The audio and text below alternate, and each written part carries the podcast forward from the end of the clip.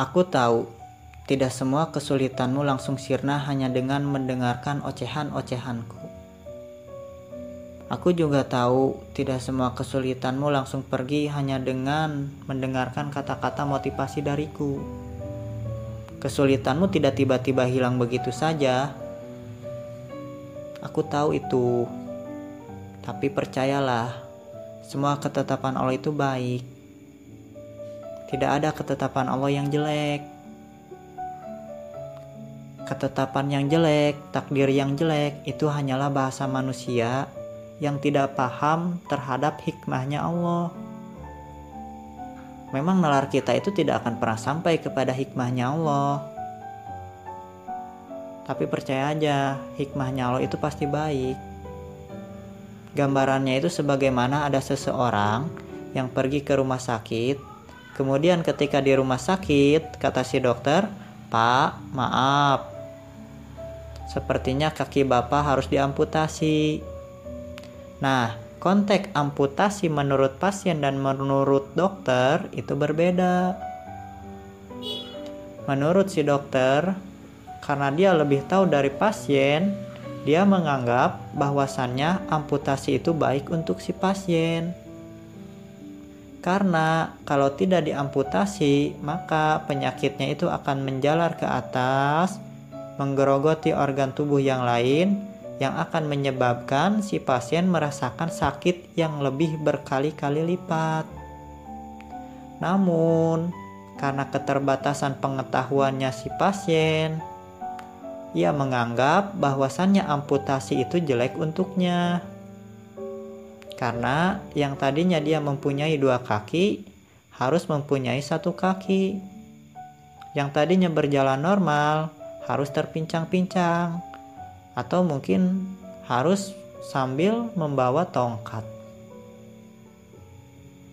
Itulah terkadang kita itu di dalam mencerna suatu permasalahan, kita itu sering menggunakan pola pikir pasien kita terkadang sering berburuk sangka menganggap bahwa ketetapan Allah itu jelek. Padahal ketetapan Allah itu baik. Bahkan kalau di dalam surat Al-Baqarah Allah berfirman, "Boleh jadi kalian membenci sesuatu padahal sesuatu itu baik untuk kalian." Dan boleh jadi juga kalian menyukai sesuatu padahal sesuatu itu amat buruk bagi kalian kalian tidak mengetahui, sedangkan Allah Maha Mengetahui. Jadi, udah jelas, yang lebih mengetahui daripada kita itu ya Allah. Allah lebih paham mana yang lebih baik untuk kita. Allah lebih tahu mana yang lebih pantas untuk kita.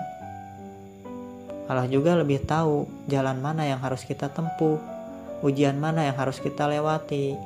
Allah tahu dan Allah tidak akan memberikan porsi ujian melebihi batas kemampuan kita. Allah lebih tahu daripada kita. Udah ya, yakin aja. Kamu bisa.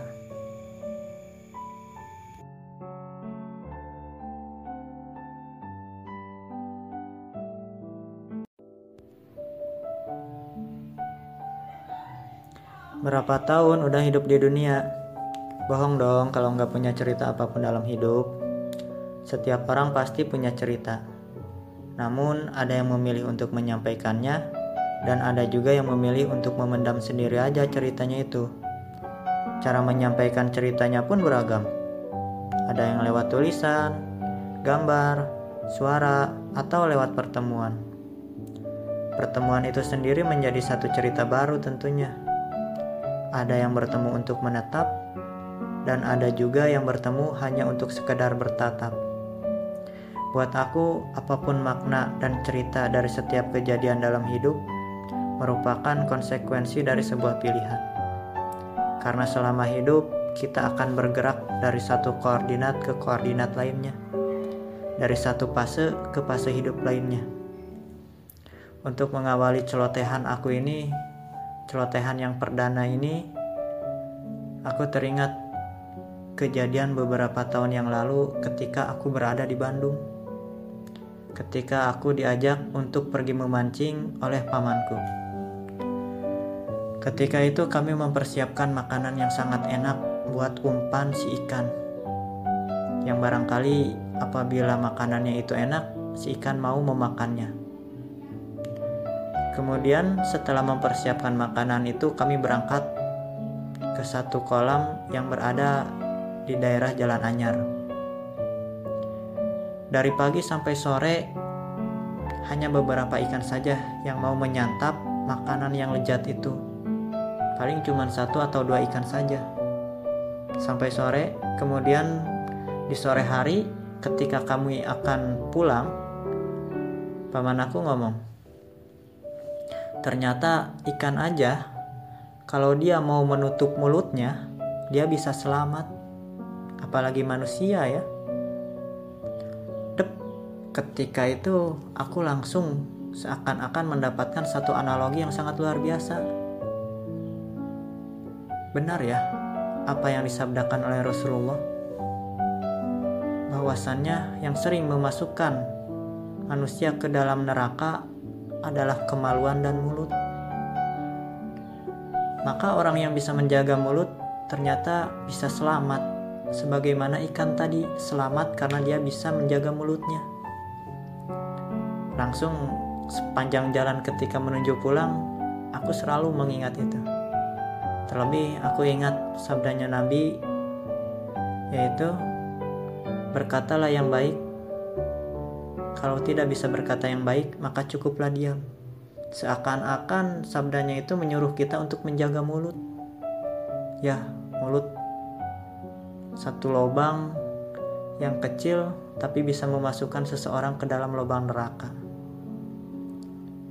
Maka pada saat itu aku selalu ingat tentang analogi itu. Ya, semoga analogi itu bisa selalu aku ingat.